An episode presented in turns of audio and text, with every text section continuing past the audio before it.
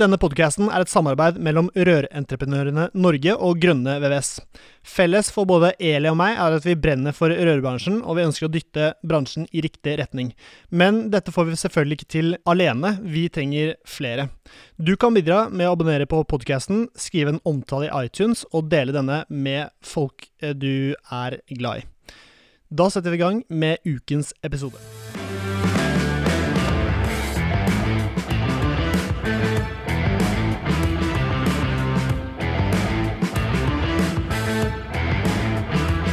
Hei og hjertelig velkommen til en ny episode av Bare Rør med Eli Hermine Heidal Eide fra Rørentreprenørene Norge og Serin Poppmidtøyde fra Grønne VVS. Stemmen den er ikke blitt noe bedre siden sist, men det er ikke så rart. For de tar opp to opptak i dag, og nå er det opptak nummer to. Ja. Så det gir, eh, det gir mening. Ja. Det er ikke noe bedre. Nei. Men uh, iallfall um, Jeg dusjet i dag tidlig, og Det er godt å vite. ja.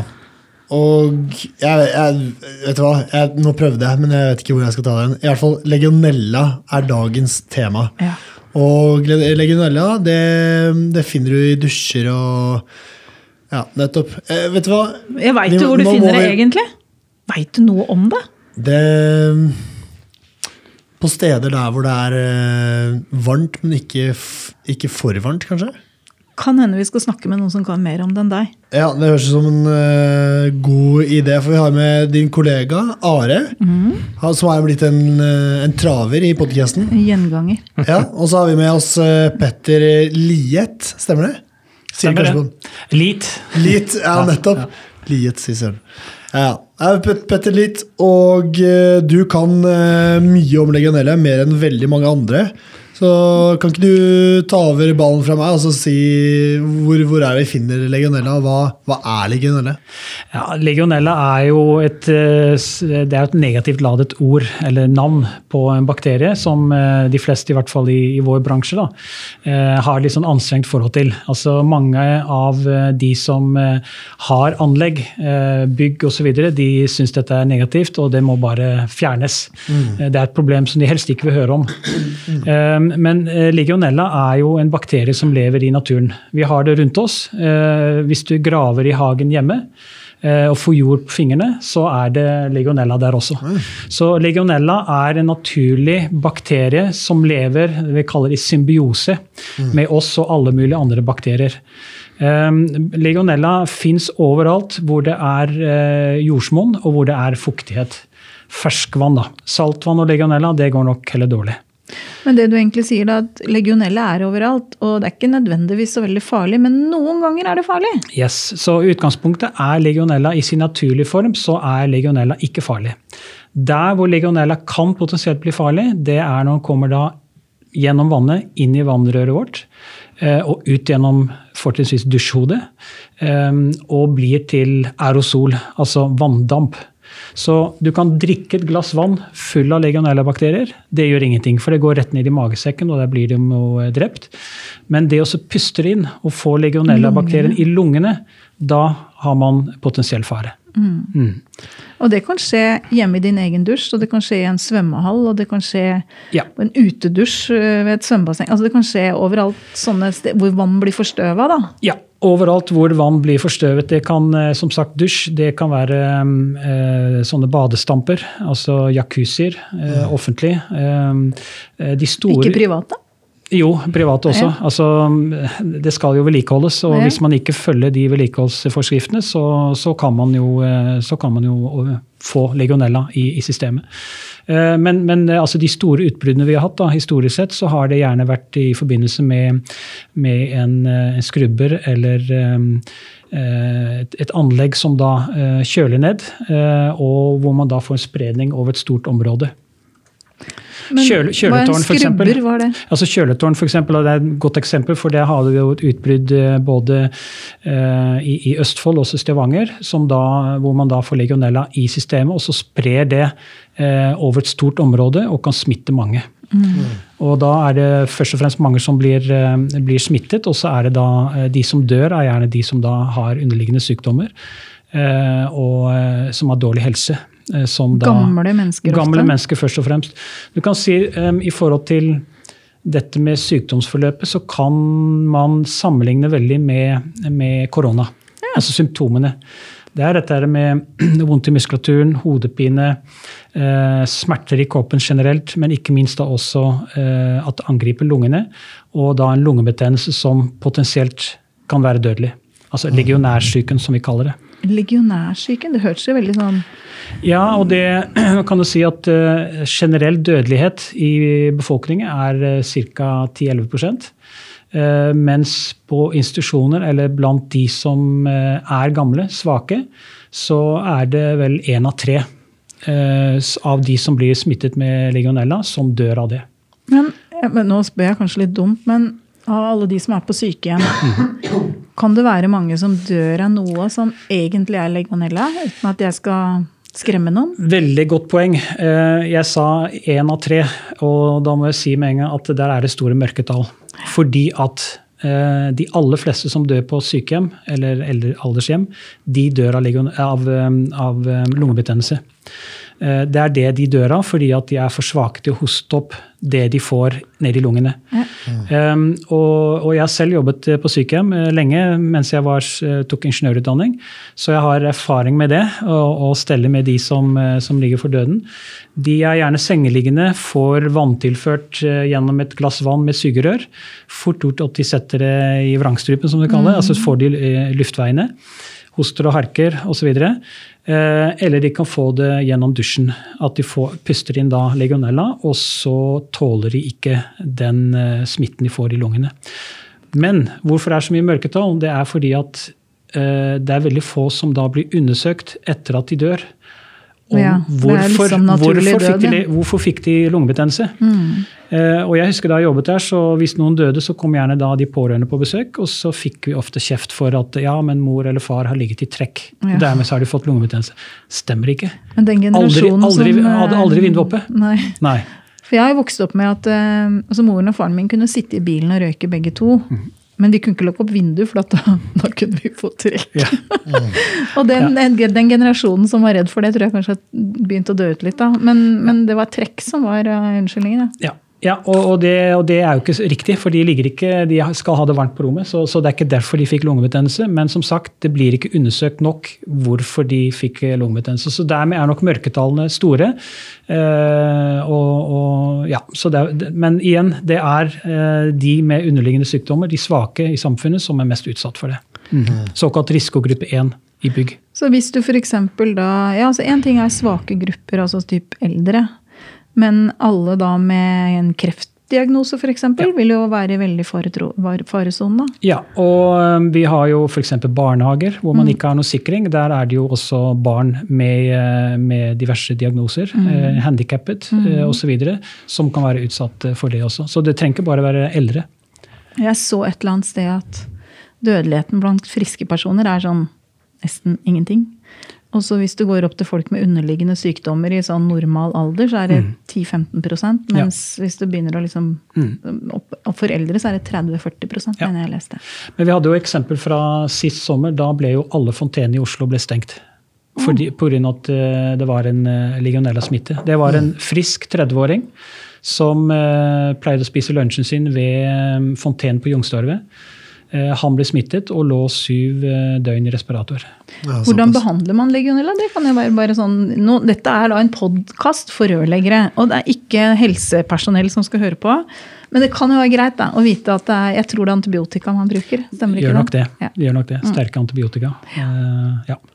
Men hvordan uh, Vi som rørleggere som skal prøve å, prøve å krige mot Uh, legionella, hvordan, hvordan starter en sånn prosess når man finner ut at man har legionella et sted, så kan man få den, få den bort? Altså, det hele må alltid starte med en eh, risikovurdering. Og det er nok eh, Det opplever jeg mye når jeg snakker da med om det nå er huseiere, altså byggeiere, og også andre, konsulenter også for så vidt, som ikke er klar over at det er lovpålagt med risikovurdering av bygg. Både nye bygg, men også eldre bygg. Det skal fornyes hvert år. Så hvert år så skal det gjennomføres en risikovurdering av bygg, som da innbefatter eh, gjennomgang av sanitæranlegget. Hva slags type rør, hvor gamle er de, hvordan er de isolert. Hvilke, altså er det mange blindpunkter? Eh, hvor mange tappesteder er det? Hvilken risikogruppe er det som bruker bygget? Er det risikogruppe 1, som da er de, mest, eh, altså de som er mest utsatt, f.eks.? Eh, og, og så må man ta vannprøver. Det er lovpålagt, og det er det veldig få som er klar over. Den risikovurderingen den sier noe om eh, tiltak som må gjøres i bygget. Fordi et sånne vannprøver blir jo da sendt til, en, eh, til eh, egen, eh, eget byrå som undersøker dette, og da teller man gjerne kimtall. Altså man undersøker hvor mye bakterier er i vannet. Og hvis det er veldig høyt antall, så indikerer det noe på at her er det mye groing i røret. Her er det mye bakterier, så her må det gjøres tiltak. Men Are, du er jo sånn tech-ekspert, går an å kalle deg det? Det høres litt sånn fjasete ut, men det er sant. Du bruker mye tid på å tolke tekken. Veldig mye tid på tek. Hva står det om eh, For TEK 17 er jo faktisk din fordømte plikt å forholde deg til når du bygger et nytt bygg. Ja. Og der står det litt om eh, at du skal forebygge bakterievekst, annet. Det, gjør det. det står nesten ordrett det du sa nå. Altså, Vi er tilbake igjen til innvendig vanninstallasjon, altså 15.5 Paragraf 15-5 i TEK 17. i TEK 17. Eh, Hvor finner du den hen? Hos, eh, hos eh, Direktoratet for byggkvalitet, dibk.no. Eller DIBK, som du kaller den. ja. Det er feil, da. Det er DBK. 15.5, eh, punkt 1, bokstav B. Der står det klart og tydelig bakterievekst skal forebygges. Eh, og det Der står jo mye det samme som, eh, som det Petter har prata om nå. Eh, men det står også noe som er vesentlig å huske på for rørleggeren. Eh, altså dette her med temperaturer. Eh, for legionella den trives best eh, i en temperatur mellom 20 og, og 45 grader. 50 grader. 50 grader. Og derfor har man på en måte satt eh, en, en øvre, eller en minstetemperatur på årstallsberederen f.eks. På Men i 65 disse, grader. disse høye strømpristider så er det vel en del synding og noen som ikke helt skjønner hva de driver med. Helt klart. Som Så er det grei kan nok- å skru ned temperaturen for kunden, liksom. Så det kan nok hende at en del av eh, privathusene rundt omkring også får en bakterievekst i, hvis man senker temperaturen for lavt Jeg Det hadde en kunde i dag som lurte på akkurat det der, faktisk. På av strømprisen. Jeg har også hørt flere andre rørleggere si at eh, ah, jeg har vært innom og skrudd ned temperaturen på berederen. Bare, Hæ? Ja, ja, men det er forskjell på temperatur ut av berederen og temperatur i berederen. Det er viktig å huske på. Ja, det, Ja, men men, det blir jo aldri ha- høyere enn det du har i berederen. Vet du. Ja, det er sant. Mm. Og det står jo fortsatt i, i tekken så står det at det skal, altså sirkulerende vann skal på en måte holde mer enn 65 grader. Ja, det betyr at du skal ha 65 grader ut på 65 anlegget ditt. grader. Hva er det på maks på en bereder nå? Er det 75? 75, 75. Ja. Mm, Det er jo Det er typ jævlig varmt, da. ja. Mm, Men, det er eh, fortsatt hvor- jævlig varmt med 65, men nå finnes det jo masse armaturer som du kan blande inn kaldt vann, så du får senka temperaturen. Ja. Uten at det er legionella-problematikk. Men, men jeg tror kanskje altså Én ting er på en måte temperaturen ut av berederen, en annen ting er kaldtvannet som ligger rundt omkring i huset. Eh, vi ser jo masse bilder hvor man på en måte igjen klaseklamrer eh, rør. Ikke sant? At man har varmt og kaldt vann klamra sammen med varmeanlegget f.eks. Mm. Hva skjer med kaldtvannstemperaturen? Jeg kjenner jeg får helt vondt inni kroppen min. Men hva betyr klamret sammen? sammen? Altså, er det, Stripsa. stripsa sammen. Ja, okay. Ja, ja, da er det god. ja.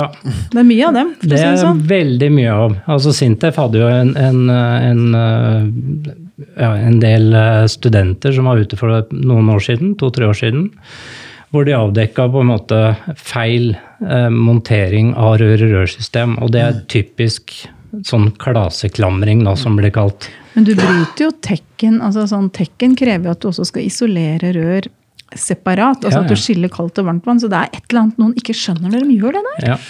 Jeg kan uh, si litt om det. fordi at uh, Som du var inne på, Are, så um, legionella trives best mellom 20 og 50 grader. Og vi sier alltid at det er faktisk, i praksis da, så er det vanskeligere å holde kaldtvannet kaldt nok. Altså under 20 grader, enn det er å holde varmtvannet varmt nok. For det er bare å pøse på mer energi, så får du den 60-70 graderen som man ønsker. Men det å få kaldtvannet under 20 grader, det er vanskelig. Og det er som du sier, at eh, vi bruker rør i rør, eh, hvor kaldt og varmtvann ligger klamret sammen. Eh, Det er veldig inn med sånne prefabrikerte skap. Mm, hvor, kaldt, hvor, eh, hvor gullvarme og tappevann er i ett og samme skap. Så vi får en voldsom overføring av varme til kaldtvannsnettet. Så hvis du åpner en kran, så er det du skal, Den skal renne lenge altså før, eh, før du får ordentlig kaldt vann. Og det er et problem. Eh, Så hvis man i forhold til temperaturkontroll av et anlegg, da, eh, hvis man skal gjøre alt riktig, så skal man da 70 grader i berederen. Man skal helst ha da 60 grader på tappepunktet. Som dere var inne på, det er vanskelig i forhold til skålingsfare. altså Tenk barnehager, institusjoner osv. Og så skal du ha en temperatur på kaldtvannet under 20 grader. Den er veldig vanskelig. Eh, Du skal ha god sirkulasjon. Eh, Du skal ha ingen blindpunkter hvor vannet står stille. De fleste bygg har masse blindpunkter. Og så skal du i tillegg da rengjøre og desinfisere dusjhoder og slanger osv. Så, videre. så veldig mange tiltak som i praksis er vanskelig å oppnå. Eller ikke blir gjort, rett og slett. Eller ikke blir gjort. Og det ser vi eh, veldig ofte, at eh, de vi snakker med, eh, som har ansvar for bygg, eh, verken har rutiner eller tanker rundt hvordan de skal, eh, hvordan de skal eh, forholde seg til det. Men igjen da, hvordan, hvordan skal vi utbedre problemet? De firmaene som tar på seg sånne altså utbedringsjobbene, hvordan går de frem og renser, uh, renser anlegget? Um, de fleste i bransjen har sikkert sett sånne grelle eksempler på vannrør som er gjengrodd. Og da er det liksom bare bitte lite hull Det er ofte golvrør, da. Ja, men det er altså til og med nye rør rett fra fabrikken er ofte tilgriset innvendig. Eh, og etter grading osv. Så, videre, så er det både jern og plastbon osv. Og, så og ikke minst bruk av hamp. Hamp er, eh, er gourmetmat Det for er jo legionella. organisk materiale, så det gjør det enda mer spennende. hva med. Loctite? Ja, Loctite er nok bedre, men hampen, vi, vi ser veldig mye hamp i røret. Altså, Ja. Det ligger klaser med hamp inn i røret, og det er klart at da setter vi i gang den prosessen med biofilm. For det er biofilmen som er roten til alt vondt. Altså den, Det belegget som legger seg på innersiden av vannrøret, det er eh, eh, si, grunnlaget for eh, bakterievekst. Det er der bakteriene, ikke bare legionella, eh, etablerer seg, formerer seg og får både næring og, og vann. Men det er det samme gugget som er i blomstervasen min. ikke sant? Når jeg skal ta ut og kaste de litt råtne tulipanene mine, eller Ja. rosene mine, så er det slimet som er oppi der, det er egentlig det samme som er inni vannrøra. Eller vannglasset ditt hjemme på badet. Hvis den ikke har vært vasket med såpe og vann etter noen uker, så får du litt sånn belegg. Eh, slimete belegg. Det er biofilm. Kan Ja, nei, skal ikke spørre om det. Tenk på kattene mine plutselig. Jeg må kanskje bli litt flinkere til å rense skåla deres. Hver dag i oppvaskmaskin. Ja. Nei, så, så hele greia er at man må få um, rørene rent. Og det er klart at hvis det er veldig gjengrodd, sånn som det er i mange gamle rør, så må man gjøre en, en sjokkrens, rett og slett. Eh, helst stenge anlegget, og så ha en ordentlig sjokkrens. Hettvannspyling? Uh, het, ikke hettvannspyling, men da må man bruke ordentlige kjemikalier. For oss, Og da kan man ikke bruke vannet heller. Eh, rett og slett for oss å rense opp og få fjernet det verste. Eh, nå har Purgo flere systemer også som eh, etter hvert fjerner også biofilmen, men hvis det er ordentlig tilgriset, så lønner det seg å ta en, en sjokk, en sjokkrens rett og slett, for å bli kvitt det. Og da må man åpne også pelatorene på kranene, sånn at man får ut eh, gørret. Mm. Og det er ordentlig kaffegryt, altså. Ja. Ja. Kult, altså. Vi har jo sett altså Hvis du har demontert en bereder en gang, og prøvd å liksom det, kom, det er ganske mye gugg som kommer ut, altså som ligger i bunnen av de berederne. Det er, det Det er er mye ganske brunt vann og Det er, ikke, det er, det er altså partikler. Det ligger jo Det er sånn æsjebæsj, og Ja det drikker vi, liksom. Vi lager mat av det. Ja, eh, sånn er det. Og, og det er klart at når man da har fjernet det, så kan man gå inn med en permanent løsning som da holder rørene rene. Eh, og der finnes det jo en del løsninger på markedet. Eh, man skiller gjerne mellom det som er eh, klorbaserte løsninger, altså enten som er klor som tilsettes vannet, eller som eh, danner klor, eh, forbindelser i vannet. Eh, eller så har man eh, UV, som også er brukt. Eller så har man sølv-kobber-ionisering, som man tilfører vannet. Så det er, det er liksom de tre hovedgruppene. da. Men når jeg er i utlandet på ferie, så syns jeg ofte Det er noen, noen ganger de sier at ja, men du kan drikke vannet her, liksom. Men det smaker jo høgg. Mhm. Uh, og det er sånn klor. Veldig mye klor. Ja, og Ja. det er jo bare helt grusomt. Vi vil jo ikke ha sånt vann. Nei, og vi ser jo at um, nedover Europa så blir det jo mer og mer forbud nå mot klor i vannet. Ja, det fordi det det. gir, det gir en del, um, uh, det gir en del um, effekter i vannet som er direkte helsefarlige. Uh, Kreft, kreftfremkallende. Da tror jeg Så- kanskje ikke vi skal få Det syns jeg du skal bare kutte ut og selge det. Nei, men nå- Det må jo sies at det brukes jo mye mer klor i utlandet enn det gjør i Norge. da. Ja. Eh, Så, så det er kanskje noe av grunnen til at, eh, at eh, man får mer med forbud mot det. Spesielt Tyskland og Nederland. Mm. Men det er klart at noen, noen systemer fungerer bedre enn andre på forskjellige typer bygg. Så det, igjen, en risikokartlegging vil jo da ikke bare si noe om tilstand på bygget, men også hva som er best å bruke i forhold til byggets størrelse, eh, hvor mange meter rør, ikke minst. eh, Dette med nedstrømseffekt. Altså å ha et system som, eh, hvor behandlingen av vannet eh, også når opp til 20. etasje innerst i gangen, eh, og dusjhodet til fru Hansen som bor der. Så det er, det er mange måter å, å, å behandle på. eh, Men for rørleggeren så er det viktig å vite da hvilket system passer hvor. Og er mest mulig effektivt i hvilken type bygg. Noen ganger har vi snakka om mersalg, Severin. Mm. Det å inngå serviceavtaler. Altså det er en del ting du som rørleggerbedrift kan gjøre som gjør at du eh, Det høres liksom veldig kynisk ut og kommersielt ut å si at du får mer ut av hver kunde, men det er jo egentlig det du gjør. Altså, hvis du har en kunde som du kan selge flere tjenester til, så vil jo det være god business. Eh, Og dette er jo også et eksempel på noe du kan hjelpe kundene dine med i forhold til at eh, altså det er et mulig ekstramarked også for rørleggerbedrifter, er det ikke det, Petter? Helt klart, og det er jo inne på noe veldig viktig. For eh, når vi snakker med, med rørleggere, eh, både små rørleggere, men også større entreprenører, så ser vi at flere og flere som i utgangspunktet um, har som næring å bygge nye boliger, f.eks. Eh, de har eh, gjerne brent seg på noen prosjekter. Altså, vi vet jo hvordan det er på nybygg, at det er veldig pressede priser. Eh, veldig lite marginer å hente der. Så flere og flere opplever vi ønsker å gå mer over på servicesida. Og ta servicejobbene, for det er der det går an å tjene penger. Men på Og- en servicejobb da, Ja. som handler om legionella, hva ville være typiske ting som inngår i en sånn serviceavtale med f.eks. et boligsameie da, Mm. eller et næringsbygg? Eh, og det er der vi har, I Apurgo så har vi et ambassadørprogram. Det vil si at vi eh, lærer opp, sertifiserer rørleggere til å kunne ta den jobben med både analysering, altså risikokartlegging av bygg, eh, og gjøre den rensingen hvis det er nødvendig, og installere og drifte eh, de anleggene vi har. Og det har litt med, med FNs bærekraftsmål å gjøre. For Apurgo der er vi, vi er eh, 15 stykker nå. Det er ikke meningen at vi skal drive og bruke fly og bil rundt omkring i hele landet for Nei. å bidra med akkurat det du sier, og hjelpe til med den kontrollen og, og, og, og, og drifting av et legionella-system. Vi knytter til oss gode, seriøse, lokale rørleggere som vi sertifiserer, og så gjør de den jobben, og så har de det et ekstra bein å stå på. Har ikke dere For- nettopp hatt en sånn runde med en gjeng Yes, med bedrifter oppe i Trøndelag? vi hadde, For to uker siden hadde vi vår eh, første ambassadørsamling. og De ble da sertifisert. Vi var ute på et anlegg. De fikk eh, gjennomgå hvordan man eh, da gjør en sånn risikokartlegging. Det er en ganske omstendig prosess. Og lærte hvordan man skal forholde seg til de forskjellige typer systemene.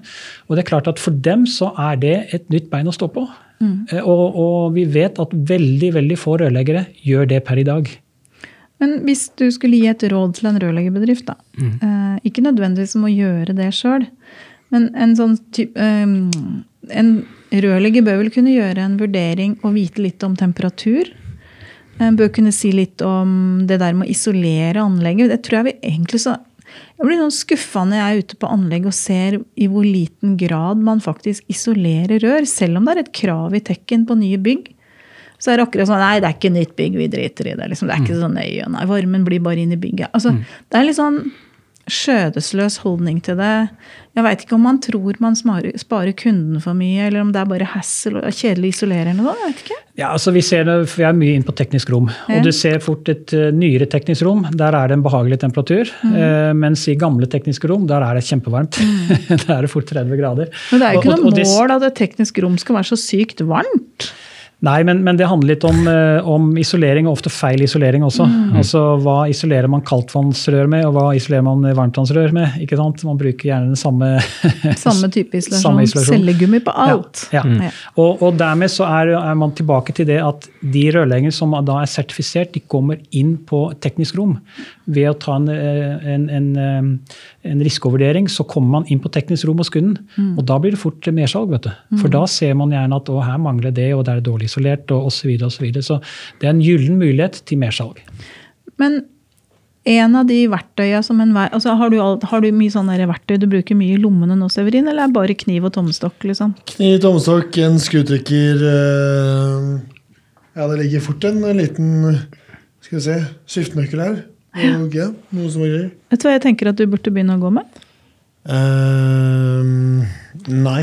Termo, termometer, er ikke det noe du burde gå rundt med som rørlegger? Ja, men, men i utgangspunktet så har du godt med verktøy. Men, men, det er mye å observere. Det er veldig mye som man Se. ser. Altså, det er jo temperaturmålere og stort sett overalt på alle, alle typer instrumenter i teknisk rom. Og ikke så, på sanitær, kanskje? Ikke så mye på sanitær. Men, men, det er mye man kan observere i forhold til hva er riktig montert, og hva kan forbedres. Og, mm. og det er der også mersalget kommer inn. Det å mm. kunne da forbedre tekniske rommet. Mm. Der er det mye å hente. Og når man snakker om isolasjon, hvis det er dårlig isolert eh, i teknisk rom, så er det sannsynligvis dårlig isolert ellers også. Mm. Og Dermed så får man enorm varmetap, og da snakker man energiregnskap. Mm. Ja, varme, det er jo derfor Tekken også sier at du skal isolere. egentlig. Det handler ja, selvfølgelig om legionella, men det er mest om energi. Mm. Um, men det å isolere kaldtvannsrør er det vel strengt tatt ikke noe krav om i Tekken. Men det burde man kanskje tenke litt over i forhold til legionella-risikovurdering på et nybygg også. Mm. I hvert fall hvor du legger røra hen. Ja, ikke minst altså for, å, for, å, isolere bort varmen. Ikke, ja. ikke for å holde kaldt vann kaldt, men Nei, for, men for å isolere å, bort eh, varmen. Ja, at du ikke mm. blir påvirka. Man skal jo isolere kaldt også pga. kondens. Ja, kondensproblematikk selvfølgelig. Men i rør i rør så er inntrykket inntrykk at veldig mange ikke isolerer, for da blir det leda bort i rør i rør isteden. Liksom. Mm. Eller ikke leda bort, det blir liggende inni. Ja. Mm. ja. Hmm. Når man er på kurs med deg, eller dere, hva lærer man da på en måte eh, alt du skal se etter? Og så lærer du hele prosedyren for hvordan du kan gå gjennom et anlegg, og ja. hva du må gjøre? Ja, hva du skal tenke på, hva du skal se etter, hva du skal spørre om, ikke minst. Eh, om det er vaktmester eller eh, driftsansvarlig. Mm. Eh, og så blir alt det eh, laget til en rapport. Man skal ta vannprøver, ikke minst. Det er en viktig en del av det. En gang i året? En gang i året så skal man ta vannprøver, eh, og da gjerne på de, eh, si, de punktene hvor man kan mistenke legionella. Altså mm. de verst tenkte punkter. For er det rent der, så er det rent ellers i bygget også. Mm. Så det kan være mm, øverste etasje, bøttekott, eh, altså kran som nesten aldri brukes. En dusj kanskje innerst i gangen i kjelleren som aldri brukes. Ta vannprøve der. Og så blir det sendt inn til, til en organisasjon som da analyserer dette.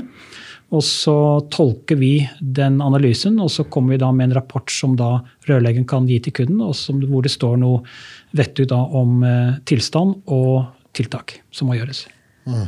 Men jeg er jo litt eldre enn Severin, utrolig nok. Og jeg har jo da eh, Jeg husker jo, eh, det må ha vært på sånn tidlig 2000-tall, at det var noen sånn voldsomme legionellegreier. Det var masse folk som døde her i mm. Norge av legionella. Mm. I 2001 så veit jeg det var noe i Rogaland. Og i 2005 Fem. så var det Borgård. i Østfold. ja. Borgård. Da var det ti stykker som døde, tror jeg. Stemmer. Det var ganske mange som ble smitta. Ja. Eh, har det vært noe sånn Eh, ikke sånne storutbrudd. Eh, for da hadde vi hørt om det. For det blir da selvfølgelig store oppslag i avisen og skandaler. Mm, og, mm. og, og, det er klart, og det er vi tilbake litt til dette med ansvar. Det å være ansvaret bevisst på at man har et ansvar for å kartlegge og gjøre noe med det når man eier et bygg. Mm. Og det er klart at eh, Vi ser jo ofte også kommuner som eier da mange kommunale bygg. Det kan være idrettsbygg eller sykehjem, mm. som da ikke har noen rutiner. De har ikke noe forhold til dette i det hele tatt.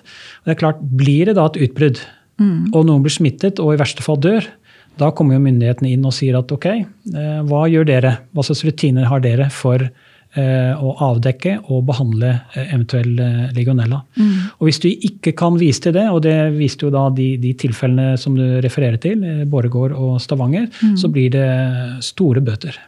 Mm. For det var også noe i det var, ja, det var et utbrudd, men det var ikke legionella i Bergen for en, rett før korona. Det var, det var noe, sånn tarmmagegreier, ja. ikke ja. lunger. Men det giardia er vel også en sånn, det er også en bakterie. Så det er Ja. mye å passe på, tenker jeg, da, når det gjelder vann. Men det har med etterslep eh, ikke sant, på vann og avløp, og hvor, hvor avløpsvann siver over i drikkevann osv. Så, videre. så Så det er litt annen problemstilling. Men igjen eh, Rørleggeren er inne i bildet der òg. Ja, Helt klart. så er. Så derfor er det så viktig at rørleggerne kan noe om dette. her. Mm. Ah, Ikke sant? At de ikke bare ensidig lener seg til eh, på en måte konsulentene, f.eks. For, Mm. for vi hører altfor ofte at ja, vi gjør bare det som står i papirene. vi. For der står det beskrevet det og det, og så bare gjør vi det sånn. For de orker ikke eller gidder ikke å ta diskusjon med konsulenten. Så det å kunne vite litt mer selv og, og, og ha sine egne meninger om ting, Mm. det er viktig. Det er viktig. Um, hva har jeg tenkt på? Tenker du at du har hatt kunder som du kanskje burde nevnt det med legionella til? Nei, jeg har ikke noe Jeg kan jo veldig lite om det selv, så jeg vet ikke Men hva jeg skulle denne Men etter. episoden, er det noe du Sånn som den kunden da, som fortalte ja, deg vi, godt, mm, Nei, vi har et, et LDM um, som helt sikkert burde Altså Teknisk rommet ser ut som et, uh, et lager, så der burde helt sikkert de fått en gjennomgang på akkurat det. For det er jo kundene Eller der er de som bor der, er jo svakere fra før av. Mm. Har du sjekka temperaturen som kommer ut av servanten på soverommet til alle disse gamle? nei, det er uh, lenge siden jeg har gjort. Jo, men altså, det er et poeng, da. Mm. For en del år siden så var det altså, Det veit sikkert ikke du, men gamle damer Mm. de vasker seg med klut. Mm. Hva tror du skjer hvis en klut havner oppi en servant som det står og renner masse vann oppi? Og masse bakterier og skitt. da. Ja, det er én ting, men det er noe verre enn det. Hvis du har en klut som ligger oppi en servant, Mm. og det er full eh, fres på vannet for å få varmtvannet, liksom, Ja. og du mister den kluten oppi der, så vil den veldig fort kunne legge seg som en propp. ja oversvømmelse, liksom. Så renner vannet over. Hvis du da er en gammel dame eller mann som får et illebefinnende og har stått og vaska deg under eh, armene med den kluten, hva tror du skjer da? Hvis du detter sammen og under den servanten, når den vasken blir full, så renner det vannet over. Og dette har faktisk skjedd. Det har faktisk skjedd en gang at en gammel dame fikk et illebefinnende, havna under en vask, og så blei hun skåla i hjel, rett og slett. Ja, sånn, ja. Å. Derfor så er det også ditt ansvar som rørlegger å passe på at temperaturen i barnehager og på aldershjem, i hvert fall, der hvor det blir, bor folk som ikke kan liksom regulere dette med temperatur sjøl, faktisk ikke overstiger 37 grader. Det står vel i tekken nå, hvis ikke jeg husker feil. Are. Jo. Eh, Ref da kombinasjonen av legionella-omsorg for kundene dine med at temperaturen blir lav. Altså Det er noen sånne fallgruver du kan gå i her. og Det er lurt å ha tunga rett i munnen. da. Det er 38 grader eh, 38. i institusjoner, altså typisk omsorg og barnehager osv. Og og så er det 55 grader på tappestedet eh, for oss andre normale. For oss. Normale. Mm. Og nå har det jo vært veldig mye fokus rundt eh, legionella-problematikken etter koronatida nå. Fordi at nå har veldig mange bygg vært stengt over lengre periode. Spesielt da eh, flerbrukshaller, idrettsbygg, eh, skoler osv. Og så vi får daglig da eh, spørsmål fra kommuner som er fortvilt over at ja, nå har eh, kommunelegen stengt eh, anlegget. Mm. Fordi nå er det påvist legionella. Hva gjør jeg nå? Det er gjengrodd, gjengrodde rør Alle osv. dusjene er tette. Ikke sant? Så, så, så det er klart at det har vært ekstra fokus på det nå. Nettopp pga. den nedstengningssida. For da står vannet stille, og da får du en oppblomstring. Ja. Men eh, Petter, hvor mye koster en sånn rapport fra dere for oss rørleggere? Det er eh, vanskelig å si noe om pris på det, fordi det er helt avhengig av eh, type bygg, størrelse, hvor mange vannprøver som må tas osv. Så videre. men, men de som eh, vi, vi har jo priser på det, men det må jo prise helt ut ifra hva slags type anlegg det er. Så det er litt vanskelig å si, si noe om det. Men igjen, vi, vi ønsker som sagt at det er rørleggeren som gjør den jobben, Mm. istedenfor at vi skal reise rundt og gjøre det for dem. Og så tenker jeg Det handler om altså, hva er det å være rørlegger? Jo, det er faktisk det her òg. Altså, dette er faktisk også et arbeidsområde som kan være veldig meningsfylt for noen. Og faktisk da Du sikrer liksom folks liv og helse. Det er ikke, og det er god business i forhold til at det, um, um, altså Lønnsomheten i anlegget ditt vil jo sannsynligvis Du får mindre utgifter da, til å drifte anlegget ditt fordi du kanskje sparer en del energi òg, for du har gjort noen grep da, som både ivaretar det med eh, legionella, men også gjør at du mister mindre energi i bygget. da. Og så bygger du bedre bygg hvis du tenker på det når du bygger et nytt bygg. Helt klart, og det med energibruket det er eh, selvfølgelig veldig interessant nå som eh, strømprisene er så, så høye. Så vi bruker mye tid nå på det vi kaller energiregnskap eh, mot kundene våre. Eh, vi har et eh, system som da baserer seg på sølv-kobberionisering. Og der har vi da gjort studier med, med, eh, med Sintef og, og eh, NTNU på hvordan man da kan senke temperaturen på vannet fra 70 til 50 grader. Okay. Og det har vi mange da, eh, for, forsknings, forskningseksempler på. Som da det å senke eh, temperaturen på, på varmtvannet fra, fra 70 til 50 grader, så har man enorme besparelser på strøm. Rett og slett. Og hvis man lager et sånt regnskap eh, i forhold til både eh, hva man har i dag på, på, eh, i forhold til temperatur, isolering, hva slags type rør, dimensjon osv., men også eh, hva bruker man i dag på eh, tid og penger på eh, rengjøring av, av rør, altså hettevannsspyling osv. Mm. Eh, og ikke minst når det f.eks. hoteller, hvor mye tid bruker man på å klore og, og rengjøre dusjer og slanger rundt omkring, så får man opp et regnskap som eh, gir fort veldig mye penger, altså. Eh, spart. Og jeg har et, nå nylig et eh, eksempel på et stort Obos-prosjekt i Oslo. Eh, 390 leiligheter. Eh, hvor de da potensielt kan spare over 700 000 i året på eh, oppvarming av varmt vann. Ved å senke temperaturen. Det er mye penger, altså. Det er så, Ja. Du har ikke regna 10 kroner kilowattimen, da? Men, Nei, eh, det var 1,65. Så, ja, men det er jo så det, det skapelig bli pris. ja, da. Det er fortsatt ganske billig. Ja. Da er det jo bare på rein varmepumpe, egentlig. Ja. Du trenger ikke noen tilleggsvarme i forhold til varmepumpa. Mm. Så, så, så det er mye penger å spare på akkurat det å ha riktig anlegg som gjør at man da igjen kan senke temperaturen, slippe kloring, slippe dette Mm. med temperaturkontroll osv. Så, videre, og så, videre. så det er mye penger å spare. Så det handler rett altså Det som er jeg tenker sånn Bakgrunnen for at vi inviterte Petter og Ari hit i dag, da, det er at når vi snakker om det her nå, så er liksom det etterlatte inntrykk hos de som hører, håper jeg, er det at eh, når du er i bygg hvor eh, du skal ha en sånn legionellabjelle oppi huet som sier ifra at her kan jeg enten bidra med noe, eller her kan jeg gjøre ting annerledes, eller dette er noe jeg må vite om. For dette handler jo om også din fagkompetanse som rørlegger. At du kan bygge på med et fagfelt som gjør deg i stand til å utrette mer. Da. Helt klart, og det er uh, framtid i. Uh, absolutt. For det er, uh, det er mange bomber der ute, altså. I gamle bygg. Mm. Så tror jeg folk er jo opptatt av helse. Vi er jo, nå veit vi. Altså Før visste vi kanskje ikke, men nå veit vi det jo. Så da må du jo hensynta det. Og jeg tror korona har på en måte gjort en del for den delen av bransjen også. At man på en måte har fått mer fokus på akkurat det med bakterievekst og, og hvor smittsomt det faktisk kan være. Så jeg tror, jeg tror dette er veldig, veldig bra for bransjen. Å få litt mer fokus på det. Ja. Spennende. Mm. Tøft. Så da er det ikke noe vits i å sette ned temperaturen på berederne til kunder som ringer Severin.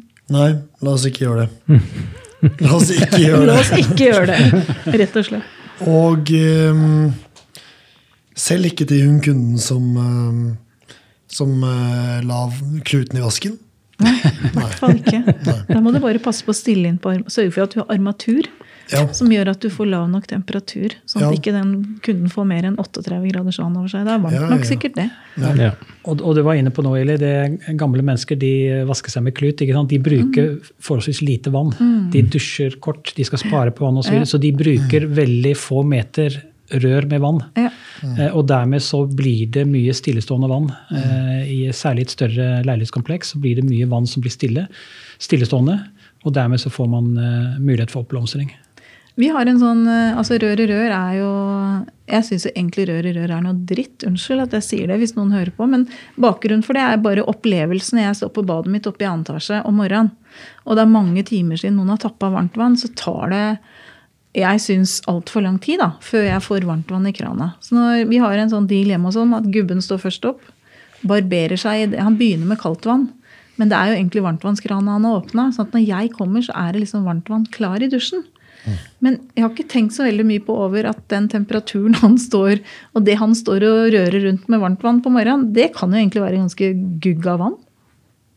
Hvor lang tid tar det før den legionellaen dukker opp? liksom? Hvis den er i anlegget, sier det poff, og så er den der? Da er den der med en gang. Ja, den er det. Ja det er ikke sånn at det tar fire uker, og så han må Nei, liksom vokse litt? Nei, det, altså, eh, den kommer med, med vannet inn i bygget, og så vil den etablere seg, spesielt hvis det da er en biofilm. For da får den jo grobunn for, eh, for å formere seg.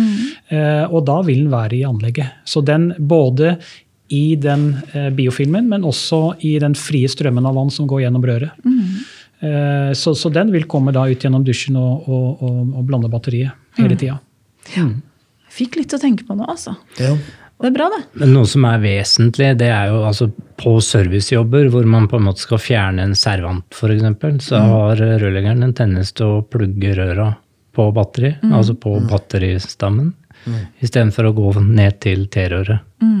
Altså, det er vesentlig å få bort de fem meterne med rør. ja, stemmer. For alle som er av... eh, ja. Blindpunkter. Blindpunkter. ja. Det Mm, står jo liksom fem meter med 10-12 millimeter rør som, eh, som bare står der og bare gror opp. Ja, gjør det. Ja. Ikke noe sirkulasjon. Æsj a meg. Ja, nei, det er jo bare å bruke huet, da. Det er det det er snakk om. Mm. Bruk huet og sikre kundene dine. Ja, men da gir det jo mening da, at man ikke skal drikke varmtvannet. Jeg husker Da jeg var liten, så sa Det handla om kobber. Det handla om kobber, Jeg tror jeg er ganske sikker på at det handla om kobber i vannet. For at det- varmtvann påvirker kobberet på en helt annen måte enn kaldt vann. Det er greit å få i seg kobber, liksom, men når du har varmtvann, så er det helt andre. Det blir sånne klorstoffer. Så det er årsaken til det. Men var det mer før? At noen Ja, altså, mm, jeg vet ikke helt åssen folk tenker, men jeg husker jo Nå høres det ut som jeg er år gammel, 400 år gammel, men når jeg var liten, så hadde mora og faren min en sånn liten måler bak, eh, bak eh, komfyren på kjøkkenet. Og så var det sånn at det var liksom så og så mange kilowatt, så var det liksom sånne svarte streker. Og så var det en rød strek, og i det øyeblikket at den der strømmen vippa over der Nå var ikke jeg gamle jenta når dette skjedde, men jeg husker at da var det litt sånn antydning til panikk. For du gikk fader ikke over den der røde streken, for da hadde du overforbruk. Så jeg husker at mora mi kokte opp poteter, og så skrudde av plata. Og så bar hun den kjelen inn i senga til mamma og pappa når vi skulle på søndagstur, og så pakka han godt inn i dyna. Og så når vi kom tilbake, så var potetene ferdigkokt, og så hadde det jo ikke kosta mer enn å koke opp vannet. Og det er jo ingen som tenker sånn nå, men det var liksom skrekken av effekt, da. Som også kommer tilbake sannsynligvis nå som en del av det du betaler i strømregning, ikke sant? hvis du bruker for mye.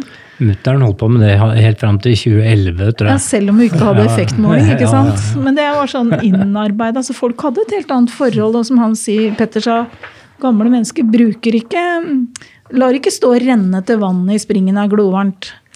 Du spiser de tørre brødsk... Altså, det er noen sånne greier som ligger igjen fra kanskje de som opplevde krigen. jeg vet ikke. Det var dårligere tider før, rett og slett. Ja. Men når alt kommer til alt, da, eh, også når det gjelder da hva rørlegen kan bidra med, eh, så alt handler om trygghet. Altså Kundene må føle en trygghet for at mm. legionella ikke oppstår og ikke får utvikle seg i, i anlegget. Så det er trygghet vi på en måte skal formidle gjennom rørlegen til, eh, til sluttbrukeren. Eh, og sånn som det anlegget jeg snakket om i stad, der, der har jo vi da eh, 24 timer i døgnet overvåkning. Så vi overvåker alle anleggene, som gjør at man da alltid har nok sølv og kobber i åndene, men i tillegg så kan vi da eh, avsløre eventuell eh, vann-overforbruk som kan være lekkasjer. Eh, for det er veldig veldig mange lite liter vann som eh, blir borte eh, gjennom små lekkasjer. Og det kan være både nye og gamle bygg. Så det å oppdage lekkasje i tillegg og spare, spare vann, eh, for vann er dyrt. Eh, og det kan være en toalett som står og renner i et idrettsbygg, eller sånn eh, dusj, som, sånn trykkdusj som henger seg opp. Så er det enormt med I fjor så oppdaget vi vel eh, over 10 millioner liter vann på de anleggene vi har, i, i overforbruk. Wow. Det er mye penger, altså. Det er enormt mye penger. Ja, vann er jo I Norge så er vi litt bortskjemt med at vann er litt sånn Alle tar det som en selvfølge at vi har nok vann. Renset vann Ja, som går rett som ut er i eh, luksus i flaske i de fleste land i utlandet, liksom. Så det er jo, vi er litt bortskjemt som bruker så flott vann til både dusjing og do og sånn. Ja. Så jeg tipper at i framtida så vil vi nok se litt endring på det, for vann er en eh, handelsvare. Ja. Som kommer til å bli mye mer verdt. Og da er det viktig at det vannet vi har, er i orden òg. Ja, og det kan være et kjøreanlegg som eh, har avrenning rett ned i sluk, så du vil ikke oppdage at det står og renner. Og renner sånn et år, så er det blitt en, eh, en sannhet. Så da forventer man bare. ved at anlegg altså eh, Eldresenter, som vi spør hvor mange bor her. Jo, eh, 35 beboere.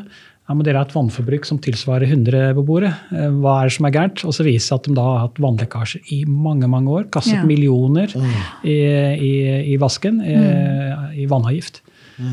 Eh, Så, så det er mye å spare på å overvåke også vannforbruket. Eh, Godt eksempel eh, Bane Nor i Bergen. De, hadde da en, eh, de har et anlegg av oss. Eh, Der oppdaget vi lekkasje, ganske stor, eh, natt til 8. januar, som vi meldte om. Eh, og det viste seg at det var et rør langt inn tunnel som hadde sprukket da, eh, pga. frost. Og som de sier at eh, hadde ikke dere sagt ifra til oss, så hadde det gått mange måneder før vi hadde oppdaget det. Og det, da snakker vi mange, mange kubikkmeter vann altså, som går. Så strøm og vann, det er dyrt nå. Så det å kunne spare der, det er, det er viktig. Så bra. Det kan rørleggeren fikse. Det kan rørlegger fikse. Fikse søren meg. Ja.